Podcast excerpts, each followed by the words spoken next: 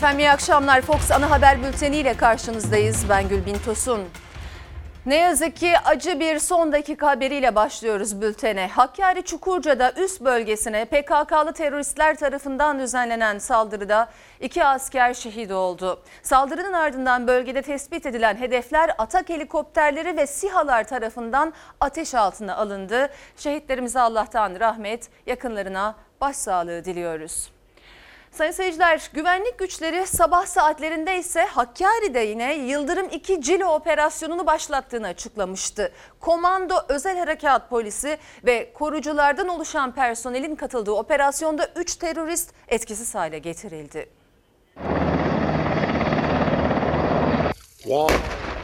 İçişleri Bakanlığı Yıldırım 2 Cilo adı verilen yeni bir güvenlik operasyonu başlattı. Hava destekli operasyonda şu ana kadar 3 terörist etkisiz hale getirildi.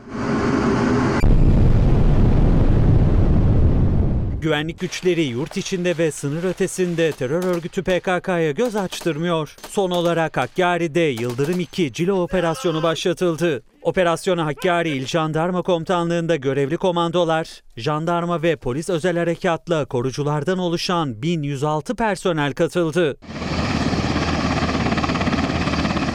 Eylem hazırlığındaki 3 terörist gece saatlerinde gerçekleştirilen hava destekli operasyonla silahları ile birlikte etkisiz hale getirildi.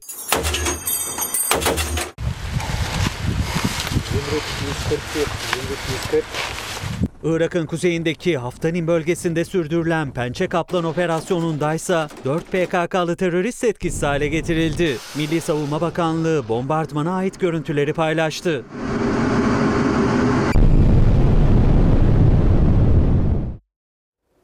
Efendim şimdi koronavirüs diyeceğiz. Çünkü son birkaç gündür özellikle yoğun bakım hasta sayımızdaki artış ürkütüyor. Sağlık Bakanlığı'nın açıkladığı son koronavirüs tablosunda ne yazık ki hem vaka sayısında hem de yoğun bakımdaki hasta sayısında artış var. Salgın kontrol altına alınabilsin diye Sağlık Bakanı Fahrettin Koca da uyarılarda bulunmaya devam ediyor. Ancak özellikle taraftar grupları iki gündür o uyarılara kulak asmıyor.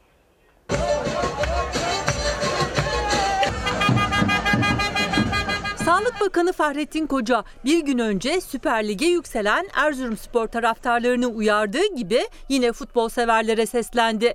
Covid-19 günlerinde centilmenlik kurallarına maske, mesafe ve toplum sağlığı da eklendi dedi. Ancak bu uyarısı bir kez daha karşılık bulmadı. Sezonun bitimine bir hafta kala şampiyonluğunu ilan eden Medipol Başakşehir'in taraftarları Taksim'de maskesiz, mesafesiz kutlamadaydı. Kutlamaların toplum sağlığını gözetir tarzda olmasını bekliyoruz. Covid-19 şartlarında taraftarlık da biraz değişmeli. Sağlık Bakanı Fahrettin Koca'nın ısrarlı uyarılarının sebebi koronavirüs tablosundaki gidişat. Önceki güne göre hem vaka sayısı arttı hem de yoğun bakımdaki ve solunum cihazına bağlı hastaların sayısı. Son 24 saatte 924 kişiye daha koronavirüs tanısı konuldu. İyileşenlerin sayısı ise 182 kişi azaldı. En önemlisi ise yoğun bakımdaki yani en kritik hastalardaki artış. Günden güne yükseliş sürüyor. 3 rakamlı hanelere düştük vaka sayısında ama bizim için bu da yeterli değil. Daha da az olması lazım. Ee, ölüm sayısında da bir düşme var ama hala işte 15 ila 20 arası günlük değişiyor bu sayı. Ee, bunun biraz daha düşmesi lazım. Peki Kurban Bayramı'nda sokağa çıkma yasağı uygulanacak mı? Cumhurbaşkanlığı Sözcüsü İbrahim Kalın'a NTV'de en çok merak edilen bu soru soruldu.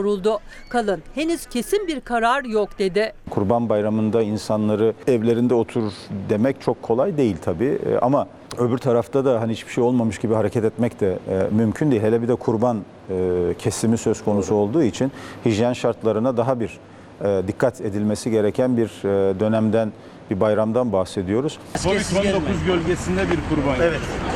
Bu sene çok dikkat Maske, mesafe, temizlik. Bu üçü çok önemli. Dikkat edilmesi gerekenler listesinde başı çeken kurban kesimine yönelik tedbirler de bayrama günler kala sıkılaştırıldı. İstanbul İl Tarım ve Orman Müdürlüğü kurban pazarlarını denetledi. Tokalaşma da yok. Ona göre bir yöntem bulun artık. Sopayla mı yaparsınız, gözlerle mi yaparsınız? Sopadan sonra yeni yöntemse Kayseri'den geldi. Besicilerle müşteriler pet şişeyle pazarlık yapmaya başladı. 16 ayrını koy abi. 16 ayrını koy. 16 ayrını koy. Tabii dünyada da Covid-19 ile mücadele sürüyor. Amerika Birleşik Devletleri'nin güney eyaletlerinde vaka artışı hızlandı. Oxford Üniversitesi ise virüse karşı güvenli bir aşı geliştirdiğini açıkladı. Amerika Birleşik Devletleri'nde vaka sayısı 4 milyona yaklaştı. Oxford Üniversitesi'nin geliştirdiği aşı olumlu sonuç verdi. Covid-19 son günlerde etkisini artırdı. Dünya genelinde virüse yakalananların sayısı 15 milyona yaklaştı. Can kaybı ise 610 bin sınırında. 8 milyon 760 bin kişi de hastalığı yenerek iyileşti. Amerika Birleşik Devletleri normalleşme sonrası salgının zirvesinde bile görmediği vaka artışıyla karşı karşıya. Ülke genelinde vaka sayısı 4 milyona dayandı. Can kaybı 143 bin aştı. Güneydeki Arizona ve Teksas eyaletlerinde ölümler artınca morglar doldu. Birçok hastane cesetleri koyacak yer bulamadı. Soğuk hava depolu kamyon talep etti. Durum kötüleşirken Başkan Trump, Amerikan Fox News kanalına konuştu. En düşük ölüm oranına sahip ülkelerden biri olduklarını savundu. Röportaj verdiği gazetecinin itirazıyla karşılaştı. When you talk about mortality rates, I think it's the opposite. I think we have one of the lowest mortality That's rates true, in the world. We, well, we, we're going to take a- look. we had 900 deaths on a single day. Covid-19 için aşı arayışı sürerken Oxford Üniversitesi'nden umutlandıran bir haber geldi. Bilim insanlarının geliştirdiği korona aşısı Mayıs ve Haziran aylarında 1077 kişi üzerinde denendi. İlk sonuçlar olumlu geldi. Virüse karşı bağışıklık sistemi çalıştı, antikor oluştu. Uzmanlar aşının güvenli olduğunu işaret etti. Ancak başarılı olduğunu söylemek için henüz erken olduğunu hatırlattı. Salgının çıktığı için de normalleşme yolunda önemli bir adım daha atıldı. Sinemalar 6 ay aradan sonra kapılarını sıkı önlemler alarak seyircilere açtı. 20 Temmuz 1974'te adaya huzur getirmek üzere Türk ordusunun başlattığı Kıbrıs Barış Harekatı'nın üzerinden 46 yıl geçti. Harekatın yıl dönümünde hem Kuzey Kıbrıs Türk Cumhuriyeti'nde hem de Türkiye'de törenler yapıldı. Cumhurbaşkanı Erdoğan yayımladığı mesajda adada kalıcı çözümün ancak Kıbrıs Türk'ünün eşit statüsünün kabulüyle mümkün olacağını vurguladı.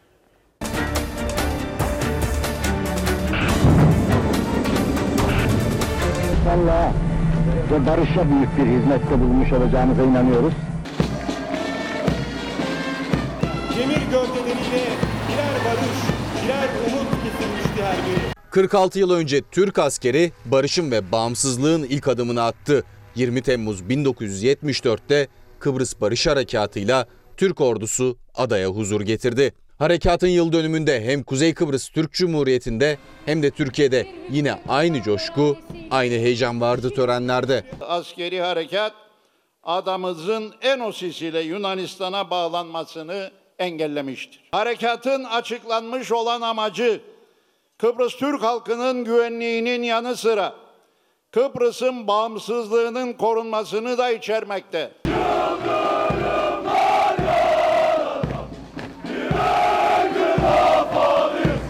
Barış Harekatı ile adanın sadece kuzeyine değil, güneyine de barış Türk askeri sayesinde gelmiştir.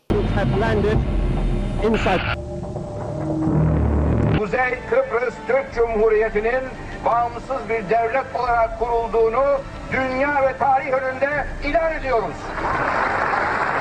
Kuzey Kıbrıs Türk Cumhuriyeti'nin bağımsızlığında ilk kıvılcımdı Barış Harekatı. Bülent Ecevit başbakandı. 1974'te harekatı tüm dünyaya savaş için değil, barış için diyerek duyurdu. Türk askeri Rumlar ve Türkler arasında barış ortamını sağlamak için Kıbrıs'a çıkarma yaptı. Silahlı kuvvetleri ateş açılmadıkça ateş etmeyeceklerdir. Savaş için değil, barış için Kıbrıs'tadırlar. Adaya barış getiren harekatın 46. yıl dönümünde Kuzey Kıbrıs Türk Cumhuriyeti'ndeki törenlerin adresi Lefkoşa'ydı. 20 Temmuz Barış ve Özgürlük Bayramı kutlamalarına Türkiye'yi temsilen Cumhurbaşkanı Yardımcısı Fuat Oktay katıldı. Cumhurbaşkanı Erdoğan da yazılı paylaştı mesajını. Adada hakçı ve kılıcı bir çözüme varılması ancak Kıbrıs Türk'ünün eşit statüsünün kabulüyle mümkündür. Kıbrıs Rum tarafı Kıbrıs Türk'ünün siyasi eşitliğini ve adanın doğal kaynakları üzerindeki eşit haklarını gecikmeksizin teslim etmelidir. İstanbul'da ise Taksim Meydanı'ndaydı tören. Kuzey Kıbrıs Türk Cumhuriyeti İstanbul Başkonsolosu Seniha Birant Çınar anıta çelenk bıraktı. 20 Temmuz 1974'te Barış Harekatı'yla Kıbrıs Türk'ün aydınlık günlere uyandığının altını çizdi. Kıbrıs'ta bugün e, Srebrenica e, ve e, Hocalı katliamında gördüğümüz benzeri katliamlar yaşanmıştır.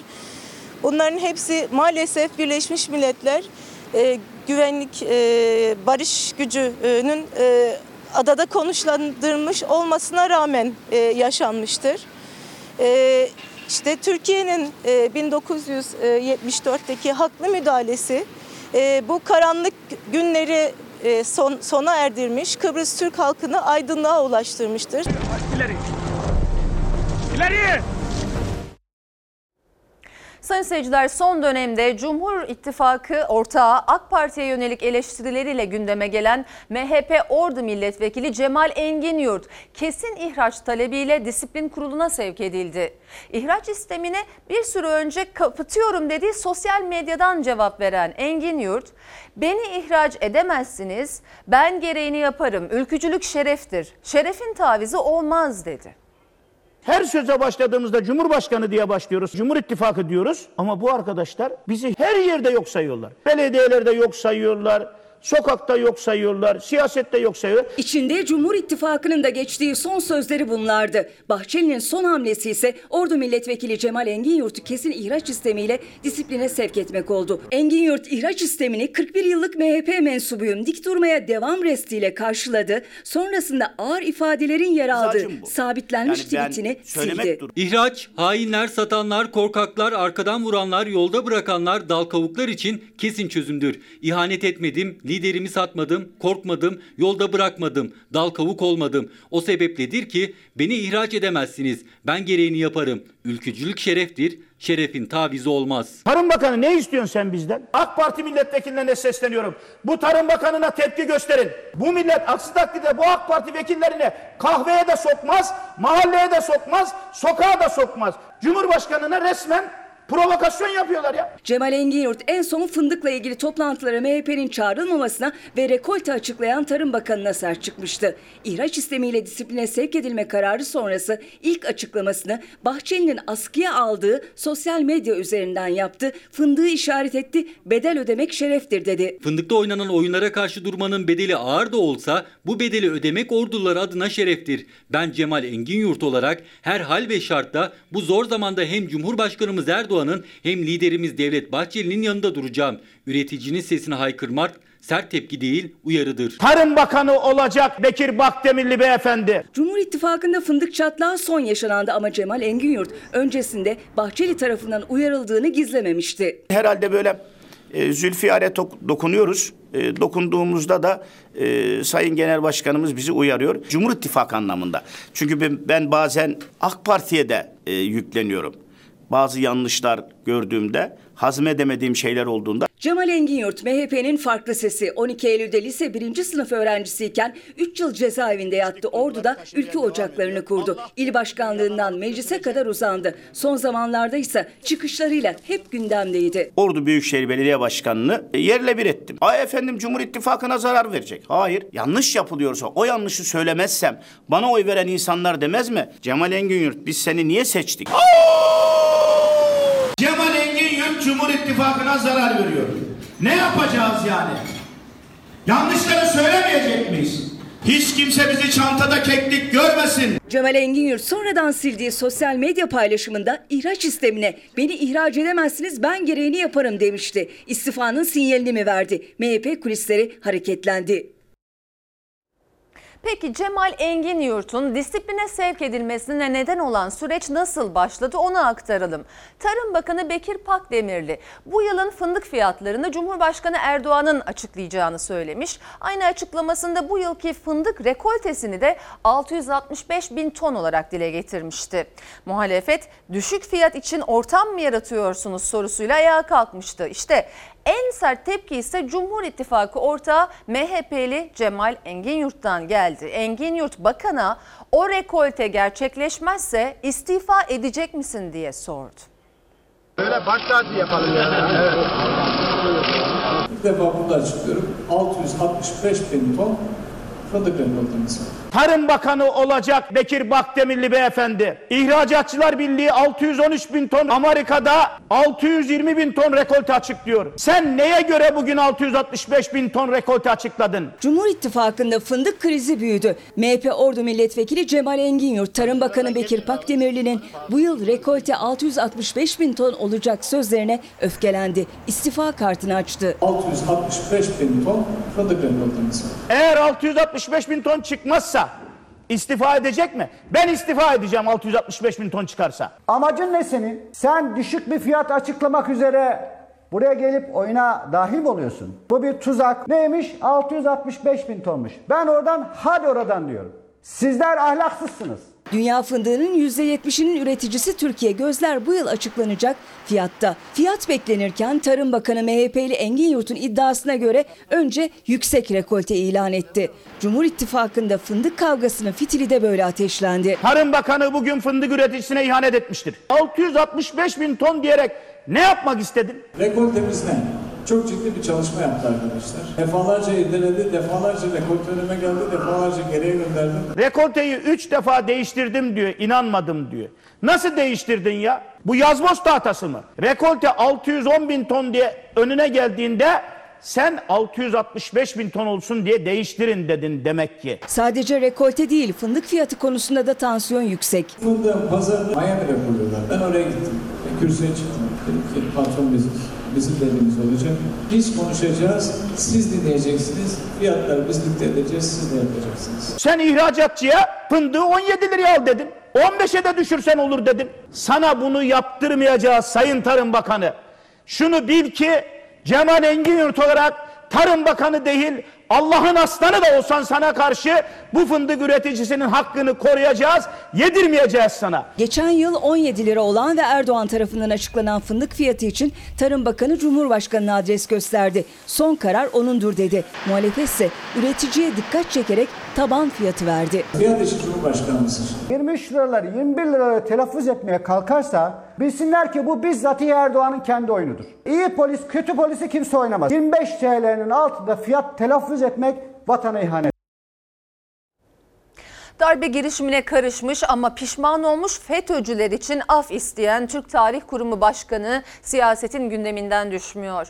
Günler sonra ilk kez Cumhurbaşkanlığından bir ses yükseldi. Sözcü İbrahim Kalın istifası için Erdoğan'ı işaret eden Ahmet Yaramış'a başkan kendi muhasebesini yapsın dedi. Ama yeni günde de henüz istifa eden olmadı darbe teşebbüsüne karışmış, pişman olmuş, nedamet duyan kişilere de sahip çıkmamız, onları bu toplumun içine dahil etmemiz, kazanmamız gerekiyor. Bir e, istifa talebi var mı? Şu anda bununla ilgili bir değerlendirme yok ama yani Başkan Bey e, yani kendisi bu değerlendirmeyi yapıp kendisinin bir muhasebe yapmasında fayda var. Türk Tarih Kurumu Başkanı Ahmet Yaramış'a Beştepe'den ilk yorum geldi. Yaramış, Cumhurbaşkanımız isterse istifa ederim demişti. Cumhurbaşkanlığı Sözcüsü İbrahim Kalın, başkanı muhasebeye çağırmakla yetindi. Muhalefet hemen istifa istedi. Sarayın kibirli adamının ne diyeceğini beklemeden hemen istifa etmesi lazım. İstifa tek taraflı bir müessese. Onaya tabi değil ama her nedense saray hükümetinden istifa etmek. Saray hükümetinin başındaki tek adamın onayına bağlı. Ahmet Yaramış 15 Temmuz'un yıl dönümünde darbeye karışmış ama nedamet getirmişlere sahip çıkmalıyız dedi. Siyasette yankısı büyük oldu. Türk Tarih Kurumu Başkanı kelime hatası dedi, sözlerinin arkasında olmadığını söyledi. Son olarak istifa çağrılarında topu Cumhurbaşkanı'na attı. Çok pişmanım. Tepki gösteren herkes haklı. Herkesten özür dilerim. Cumhurbaşkanımız isterse gereğini yaparım, istifa ederim. Siz peki bu açıklama sonrası bir istifa gerektiği düşünür müsünüz? Yani lehte ya da aleyhte şu anda bir şey diyemem. Ee, Bununla ilgili Cumhurbaşkanımızın bir kanaati olursa zaten kendisine iletilir. 251 tane yurttaşımızın şehit olmasına neden olanlar için af talebidir. Bunu bu milletin vicdanı kabul etmez. Bu zatın sözle, sözleri son derece tehlikeli sözlerdir. Darbeye teşebbüs edecek, ben onunla o gece ölümüne vuruşacağım Sonra beyefendi cezaevinde nedamet gösterecek. Ben de onu alıp bağırmak saracağım değil mi? Siz kimsiniz ya? Siz 15 Temmuz'un neresindesiniz Sayın Başkan? AK Parti içinden muhalefete kadar bütün oklar Türk Tarih Kurumu Başkanı Ahmet Yaramış'a hedef aldı. Tarihte biliyorsunuz birçok darbe girişimi oldu, darbeler oldu. Bu darbelerin topluma vermiş olduğu zararı azaltmak için zaman içinde nedamet duyan, pişmanlık duyan insanları da bizim kazanmaya çalışmamız gerekiyor. Tepkiler gelince de sözlerini tevil etmeye çalıştı. Zırva tevil kabul etmez. Ülkemizde bu ki ehliyetsiz kadroların elinde kendi kıyametini yaşıyor. Başkan Bey kendisi e, bu değerlendirmeyi yapıp kendisinin bir, bir muhasebe yapmasında fayda var. Sözlerinin üzerinden 6 gün geçti. Cumhurbaşkanlığı sözcüsü muhasebesini kendi yapsın dedi. Türk Tarih Kurumu Başkanı'ndansa henüz bir istifa gelmedi. Eski Başbakan Gelecek Partisi lideri Ahmet Davutoğlu'nun hükümete yönelik sert eleştirileri devam ediyor. Daha önce terörle mücadele defterleri açılırsa kimse insan yüzüne çıkamaz diyen Davutoğlu o sözlerine açıklık getirdi. Çözüm süreci kendi döneminin ürünüdür dedi. Kimse bize teröre destek suçlamasında bulunamaz. Terörle mücadele konusunda defterler açılırsa birçok insan insan yüzüne çıkamaz. Bizi bugün eleştirenler insan yüzüne çıkamazlar. Eski Başbakan Gelecek Partisi Genel Başkanı Ahmet Davutoğlu bir yıl sonra terörle mücadelede insan yüzüne çıkamazlar diyerek neyi ve kimleri kastetti bilmeceyi çözdü. O cümlelerin hedefinde Cumhurbaşkanı Erdoğan ve MHP lideri Devlet Bahçeli vardı. 12 Eylül Kongresi'nde bana oyun oynayanlar ve ona destek veren Cumhurbaşkanı'na hitaben söyledim. Ben terörle mücadele ederken siz Ankara'da benim ayağımı kaydırmak için uğraşıyordunuz. Şimdi beni terörle mücadelede nasıl eleştirirsiniz? Yoksa gizli bir defter açmaktan bahsetmedim. Bakanım durumunda olanlar veyahut da daha farklı görevler verdiğim kişiler farklı bir şekilde saldırı içindeler. Davutoğlu terörle mücadele ederken ayağımı kaydırmaya çalışıyordu diyerek hedef aldı Cumhurbaşkanı'nı. Ardından da çözüm süreci üzerinden. Sayın Erdoğan şimdi çözüm süreci diyenleri hain ilan ediyor ama kendi döneminin ürünüdür. Sayın Bahçeli'den korkusundan çözüm süreci lafını etmiyor. Yolunu şaşıranlar, kibrine esir düşenler, hırsını, aklının, benliğinin, davasının önüne koyanlar. Erdoğan bana genel başkanlığı tevdi ettiği kongrede size iki emanetim var. Biri çözüm süreci, diğeri de FETÖ'yle mücadele. Elimizden geleni yaptık. Ta ki Kobani olaylarına kadar. Masayı biz değil, Kandil devirdi. Kobani olayları ciddi darbe vurdu. Yaklaşık bir yıl önce terörle mücadele defterini açarsam diye kurduğu cümlenin adreslerinden birinin de MHP lideri Devlet Bahçeli olduğunu söyledi. 7 Haziran 2015 seçimleri sonrası hükümet kuracak çoğunluğu bulamamıştı AK Parti. Koalisyonda olmayınca Kasım ayında seçimler yenilenmişti. 7 Haziran'da hükümet kuracak çoğunluk yok. CHP ile yapmak istedik olmadı. MHP'ye gittim koalisyon kuralım dedim. Terörle mücadele eden bir hükümete MHP destek vermedi. Türkiye terörle mücadele ederken sen hükümetsiz kalsın diye çaba sarf ettin. Şimdi ne hakla bana terörle destek veriyorsun dersin. Davutoğlu eski defterleri kapattı. Parti genel merkezinde yaptığı haftalık basın toplantısındaysa Cumhurbaşkanlığı hükümet sistemi üzerinden eleştirdi iktidarı. 24 Haziran 2020'de Cumhurbaşkanı hükümet sisteminin ikinci yılıydı ama kimse bunu kutlamadı. Halbuki Cumhuriyet tarihinin en büyük devrimi olarak lanse edilmişti. Niye yapılamadı biliyor musunuz? Kendileri bile bu sistemden memnun değiller. HDP Mardin Milletvekili Tuma Çelik'in yerel seçim çalışmaları sırasında bir kadına cinsel saldırıda bulunduğu iddiası siyasetin bir diğer sıcak gündemi. HDP suçlanan milletvekilini ihraç etti. Ankara Cumhuriyet Başsavcılığı'nın nitelikli cinsel saldırı iddiasıyla düzenlediği fezleke ise çarşamba günü mecliste görüşülecek. Tuma Çelik'in dokunulmazlığı kaldırılırsa yargılamanın da önü açılacak. Ben bu konuda daha fazla bir şey söylemek istemiyorum. Herkesin içi rahat olsun. Bu işin peşini bırakmayacağız. Net bir tutum alacağız. Mardin Milletvekili Tuma Çelik'in bir kadına cinsel saldırıda bulunduğu iddiası hem HDP'de hem de siyasette deprem yarattı. Ankara Cumhuriyet Başsavcılığı Tuma Çelik hakkında nitelikli cinsel saldırı iddiasıyla fezleke düzenleyerek dokunulmazlığının kaldırılmasını isterken partisinden de ihraç edildi. Sayın Tuma Çelik buyursunlar sayın. İddia edilen cinsel saldırının Mardin'de 2019 yılındaki seçim çalışmaları sırasında yaşandı. HDP'li Tuma Çelik'in partili bir kadına cinsel saldırıda bulunduğu hatta sonrasında kendisini şikayet etmek isteyen kadını tehdit ettiği iddia edildi. Ancak iddia edilen saldırıdaki mağdur kadın savcılığa Aralık ayında şikayette bulundu. Tuma Çelik hakkında yurt dışına çıkma yasağı talep ettik. Koruma kararı aldırdık. HDP'nin de kadının yanında olacağını umuyorum. Bu kadar aleni bir dosyada kadını mağdur etmeyeceklerdir. Ben bu konuda daha fazla bir şey söylemek istemiyorum. Çelik'e seni partiye şikayet edeceğim diye bağırdım. Bana eğer bu duyulursa ben vekilim. Dokunulmazlığım var. Olmadı siyasi hayatım biter. Giderim Avrupa'da yaşarım. Ama sen eşim ve çocukların insan içine çıkamazsınız dedi. Türkiye Büyük Millet Meclisi bünyesinde ve halk içerisinde yaptığım çalışmalar bazı çevreleri rahatsız etmiş olacak ki değişik biçimde ve farklı boyutta kişiliğime karşı iftiralar, suçlamalar ve tehditler geliştirildi. Bunun yanında bir kadın bana yönelik iftiralarda bulunarak şantajlara başladı. İddialar karşısında bu cümlelerle kendini savunan HDP'li Tuma Çelik partisinden istifa ettiğini duyurmuştu. HDP de istifadan iki gün sonra Çelik'i partisinden ihraç etti. Biz mağdur olan kadının yanındayız. Mahkemede aklanması için dokunulmazlığın kaldırılması gerekir. Ancak şunu da unutmamamız gerekir. İçinde bir siyasetçinin de olduğu bir davadır. Mahkemenin sarayın vesayeti altında olmaması büyük önem taşımaktadır. Ankara Cumhuriyet Başsavcılığı'nın Tuma Çelik hakkında nitelikli cinsel saldırı iddiasıyla hazırladığı fezleke ve dokunulmazlığının kaldırılması talebi çarşamba günü meclis komisyonunda görüşülecek. Tuma Çelik'in savunması alınacak ve hazırlanan rapor genel kurulda oylanacak. Dokunulmazlığı kaldırılırsa Tuma Çelik için yargılama başlayacak. Mansur Yavaş, Melih Gökçek dönemiyle ilgili yeni bir suç duyurusunda bulundu. Bu kez adliyelik olan suçlama belediyenin Gökçek dönemindeki hafriyat ihalesi. Yavaş'ın teftiş kurulu raporu doğrultusundaki iddiasına göre Gökçek'in oğlunun kurucusu olduğu Osmanlı Spor 3 yılda ihaleden 534 milyon lira gelir elde etti.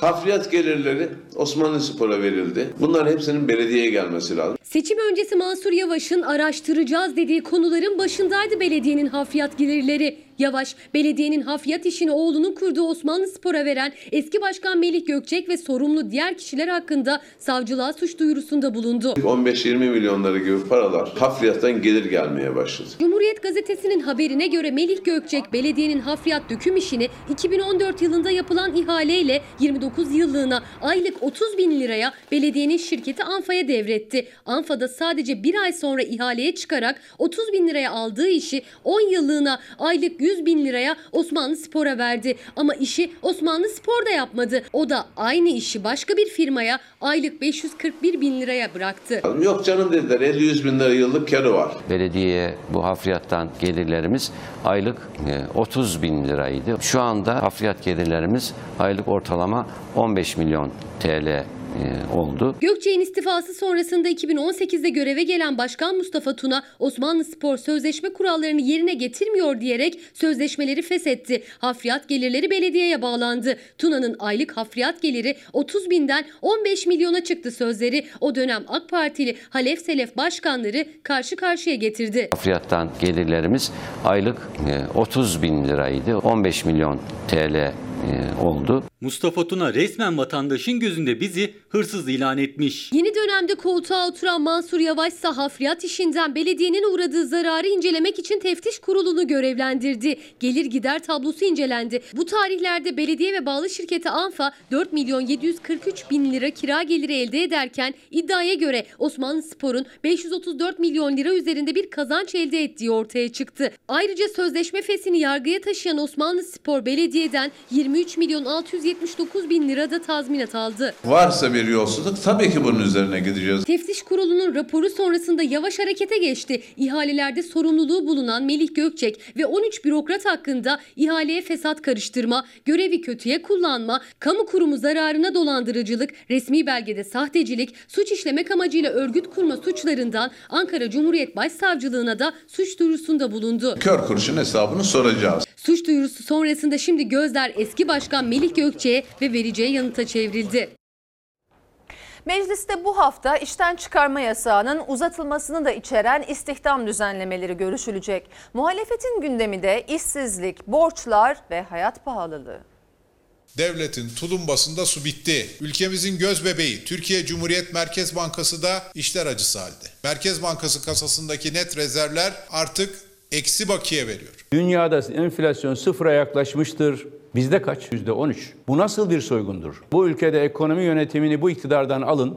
İstediğiniz herhangi birisine verin emin olun bu küresel şartlarda istese de yüzde 13 enflasyon ortaya çıkaramaz. CHP Merkez Bankası Gelecek Partisi de enflasyon başlığı üzerinden açtı ekonomi defterini. Muhalefetin hedefinde Cumhurbaşkanı Erdoğan ve ekonominin patronu Berat Albayrak vardı. Millet gırtlağına kadar borca batırılmış. Bu ucube rejim işbaşı yaptığından bu yana işini kaybedenlerin sayısı ise 3 milyon 202 bin. Moğol orduları ekonomimize bu kadar zarar vere, veremezdi. Erdoğan ve sosyete damadı ekonomiyi talan etmişlerdir. Hiçbir dönemde bu dönemde olduğu kadar kamu kaynaklarını har vurup harman savuran, sorumsuzca, umursamazca harcayan bir yolsuzluk düzeni oluştu. Muhalefet ekonomi kötü. Sorumlusu Erdoğan ve Albayrak sesini yükseltirken sözler sertti. Söz işsizliğe geldi. Bir konuda ama haklarını teslim etmemiz gerekiyor. Dillerinin kemiği yok. Akıllarına ne gelirlerse söylüyorlar. Memleket işsizlikten kırılıyor. Bunlar milyonlarca kişi iş bulacaklarını ilan eden şaşalı, tantanalı programlar yapıyorlar. Herkesin gözün içine baka baka boylarından çok büyük sözler veriyorlar. 18 yıllık AK Parti iktidarında tam 20 paket açıklamışlar. Bunun 15 tanesi istihdam paketi, 5 tanesi de reform paketi. Şimdi 21. paket yolda. Her paketten sonra memlekette işsizlik daha da artmış. Sadece işsizlik de değil, gıda fiyatları, döviz kuru, geçim sıkıntısı her konuya ayrı başlık açıldı. Muhalefet kendi rakamlarını paylaştı. Her ucube rejim gibi Erdoğan'ın saray rejimi de milletimizin aşını, işini eritti. Parasını pul etti. 4 yıl önce 1 dolar 2 lira 98 kuruştu. Şimdi 6 lira 86 kuruş. Çeyrek altın 312 liraydı. Şimdi 659 lira. Sokakta da siyasette de gündem aynı, ekonomi. İşkur verilerine göre iş ilanları da işe yerleştirilenlerin sayısı da geçen yılın çok altında. Rakamlar neredeyse yarı yarıya inince bir umut İşkur'un kapısını çalanlar hayal kırıklığına uğradı. Bugün kaç iş başvurusu yaptınız? Merter'de 2-3 yere gittim. Herhalde iş yok. Sıfırı tükettik. İşkur'un iş ilanları da işe yerleştirdiği işsiz sayısı da önceki yıla göre yarıya indi. TÜİK salgın döneminde işsizlik düştü dese de işsizler İşkur'a bile gittiğinde bu tabloyla karşılaşıyor. Daha önce iş ilanlarıyla dolu duvarları artık boş şeffaf dosyalar süslüyor. İş arayan çok ama bulabilen az. Çünkü eleman arayan yok. Başvuruyorum, iş vuruyorum. Şu anda eleman almıyoruz diyorlar. Kapılar yüzümüze kapanıyor yani. İşkur'un duvarları iş ilanlarıyla doluydu. İş aramaya gelenler önce o ilanlarda göz gezdirirdi. Ancak o ilanlar artık boş. Belli ki işçi arayan işveren de yok. Daha önce doluydu onlar. Şimdi hepsi boş genelde. Ne anlama geliyor? Yani işin olmadan anlamına geliyor şu an. Normalde duvardan boydan boya iş ilanı olurdu. Şimdi iş bulmak daha zor. Nasıl geçineceksin? İşte onu da biz de bilmiyoruz. Ek işler yapmaya çalışıyoruz. Ne gibi mesela? Yani kitap ayrıcı satmaya çalışıyoruz. Onun dışında çorap satmaya çalışıyoruz akşamları. Siz üniversite mezunu. Evet. Grafik tasarım mezunuyum. Diplomalı işsiz Elif Hız gibi İşkur'un kapısı iş arayanlarla aşınıyor. Ancak yılın ilk 6 ayında 751 bin iş ilanı verildi. Bu sayı 2019'un aynı döneminde 1 milyon 75 bindi. Yani %30 azaldı iş ilanları. Bir yıldır günlük işine gidiyoruz. Konfeksiyonlara gidiyoruz. Şoförlük yapıyoruz. Dört tane çocuk var. Kiracıyız.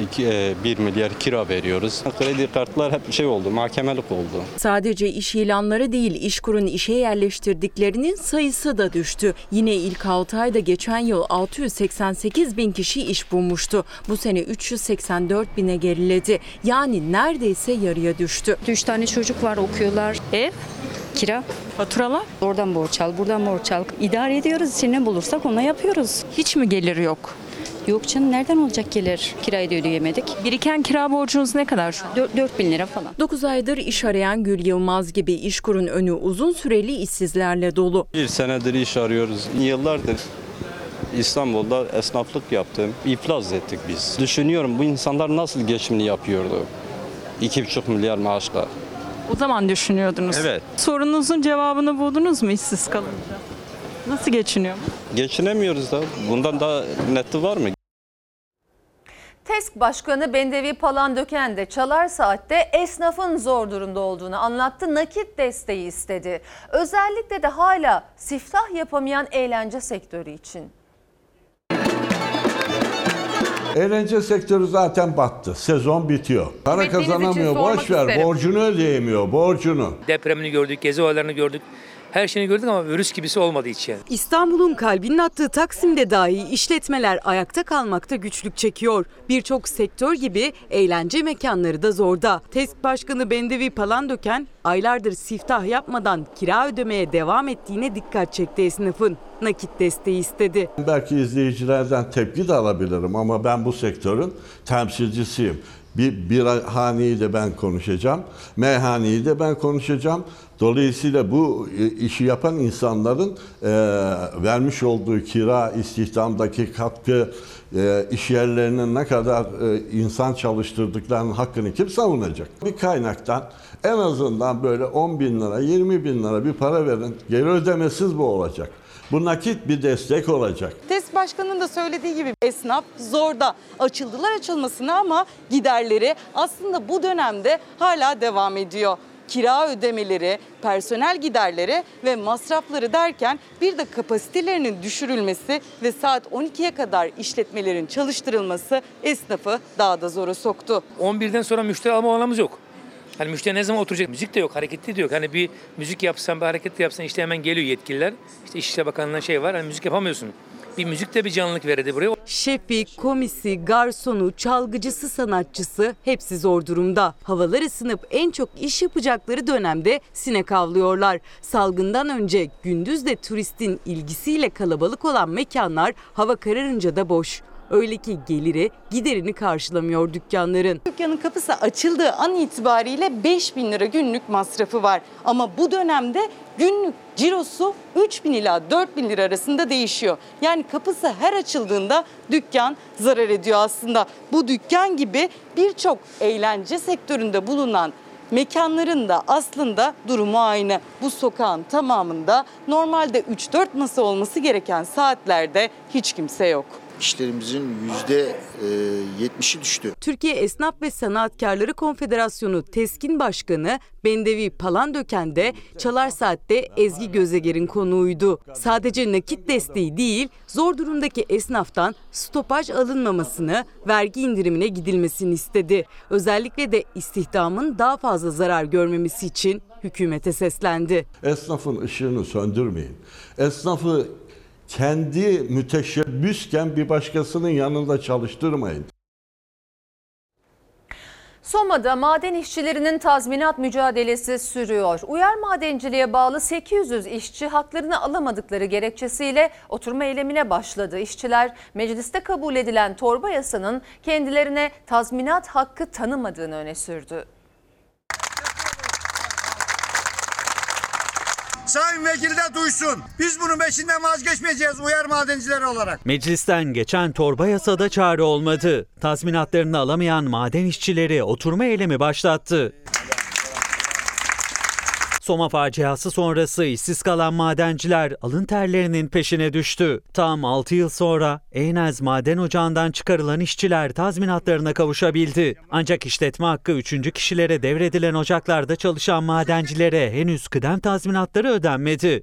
Biz uyar madencilik ve Soma kömür işletmeleri, Geventepe, Atabacası ve Işıklar çalışanları ise görmezden gelindik. Bağımsız Maden İş Sendikası'na üye işçiler Ankara'da Enerji ve Tabi Kaynaklar Bakanlığı'na gitti. Bakanlık sorunun çözümü için meclisi işaret etti. Mecliste sunulan yasa e, iyi onaylamıyoruz.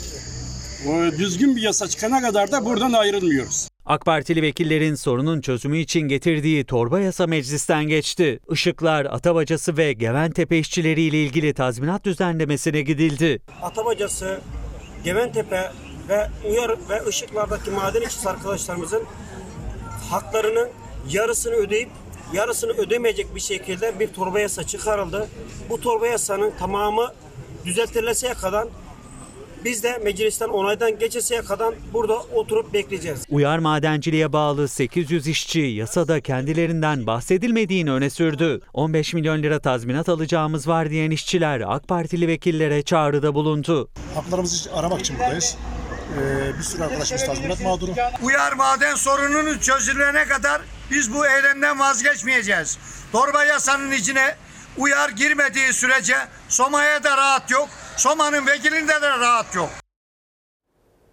İstanbul'un simge binalarından bir semte de adını veren tarihi fabrikanın yıkımına başlandı. Şehir Plancıları Odası'na göre Bomonti'deki fabrikanın yıkım kararında hukuk gözetilmedi. Çünkü açılan itiraz davaları hala devam ediyor.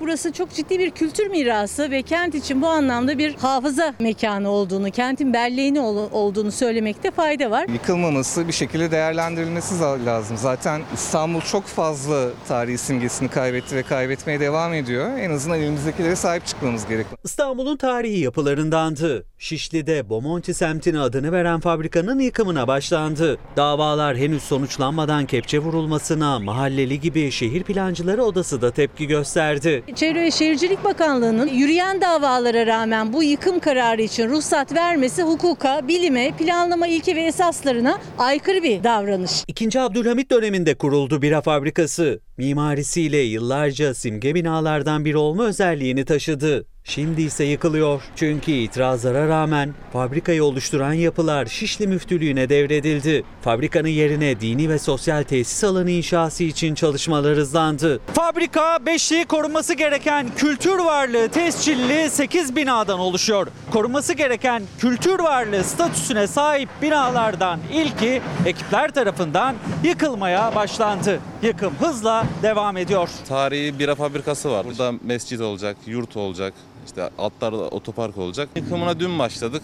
Tahmin olarak bir iki hafta kadar sürecek. 130 sene önce inşa edilen bulunduğu semte adını veren Bomonti'deki fabrika çevresindeki yüksek binalara rağmen var olmaya çalışıyordu. Bina yıkılıp yerine yeni binalar inşa edilecek. Şehir Plancıları Odası'na göre bu başlayan yıkım hukuksuz. Çevreyi ve kenti korumak, muhafaza etmek. Bütün bakanlıkların aslında böyle bir görevi vardır. Dolayısıyla Çevre ve Şehircilik Bakanlığı verdiği bu e, hukuksuz ruhsat ile kendi varlık sebebini de reddetmektedir. Şehir Plancıları Odası yeniden dava süreci başlatacaklarını duyurdu. Yıkımsa devam ediyor. Çünkü bütün alanla ilgili aslında alınmış bir karar bu. Yıkımlar sürüyor ama geri kalanının yıkılmaması için hukuki süreçleri başlatacağız. Tabii ki yıkılmasın. Yıllardan beri insanların uğrak yeri orası. Böyle yapıları şehir kimliğimizi ve ruhunu korumak için saklamamız lazım. Sayın seyirciler kısa adı LEMS olan nadir bir kas hastalığıyla yaşayanlar her gün kullandıkları ilaca daha önce ek ücret ödemiyordu. Ancak ilacın fiyatı ve euro kuru yükseldi. SGK'nın ödediği paysa yerinde saydı. Artık her kutusuna 800 lira fark ödemek zorunda kas hastaları.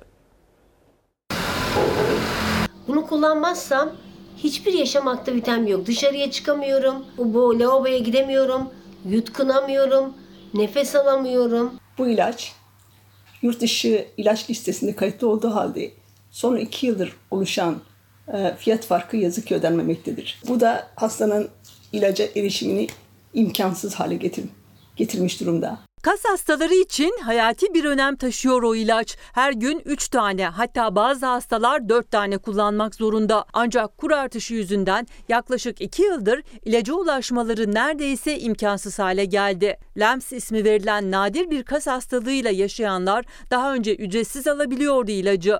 Ancak artık tek kutusuna bile 102 euro yani yaklaşık 800 lira ödemek zorundalar. Son iki senedir 102.20 euro katılım payı çıkmaktadır. Bu da bizi bir mağdur etmekte. Yani bayağı bir sıkıntıya sokmakta.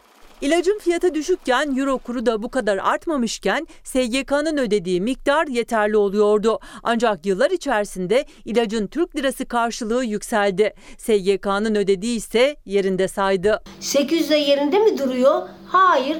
Euro yükseldikçe 800 lira oluyor 900. Bu böyle gidip gidip duruyor. Ben buna yetişemiyorum. Bakın ben bu hastalıkla savaştım 23 yıl. Daha bu ilacım olmadan da yaşamsal aktivitem yok. Ne olur bana yardımcı olun. Ne olur rica ediyorum lütfen. Kutu başına 800 lira ödemek zorunda artık hastalar. Bir kutu ilaç sadece bir ay yetiyor. Türkiye Kas Hastalıkları Derneği Başkan Yardımcısı Fatma Çoban da sorunun çözümü için SGK'ya, ilgili bakanlıklara hatta CİMER'e başvurdu. Ancak sonuç alamadı. Bu insanların kullanabileceği, bu ilacın yerine kullanabileceği başka bir ilaç söz konusu değil. Hastalar çığlık çığlağlar. Bu ilacı kullanamayan hasta fonksiyon kayıplarına uğramakta, e, günlük rutin ihtiyaçlarını e, dahi gideremeyecek duruma gelmekte, yutkunmakta, zorlanmakta. LEMS hastalarının ömür boyu kullanmak zorunda oldukları ilacın muadili yok. İlaç olmadan zamanla nefes bile alamayacak duruma gelen hastalar çözüm bekliyor. Bu euro ile gelen bir ilaç. Euro ile. Euroya bağlı. Ben her ay 800 lira para veriyorum. Veremiyorum bu parayı. Yani ben bitik durumdayım. Ya yaşam aktivitem yok. Sokağa Dışarıya çıkamıyorum. Şimdi ara zamanı. Havası Efendim Fox ana haber bültenini burada nokta alıyoruz. Fox'ta yayın Yaparsın Aşkım'ın yeni bölümüyle devam edecek. İyi bir akşam geçirmenizi diliyoruz. Hoşçakalın. Dostuma her köşesi cennetin ezilir yerler için bir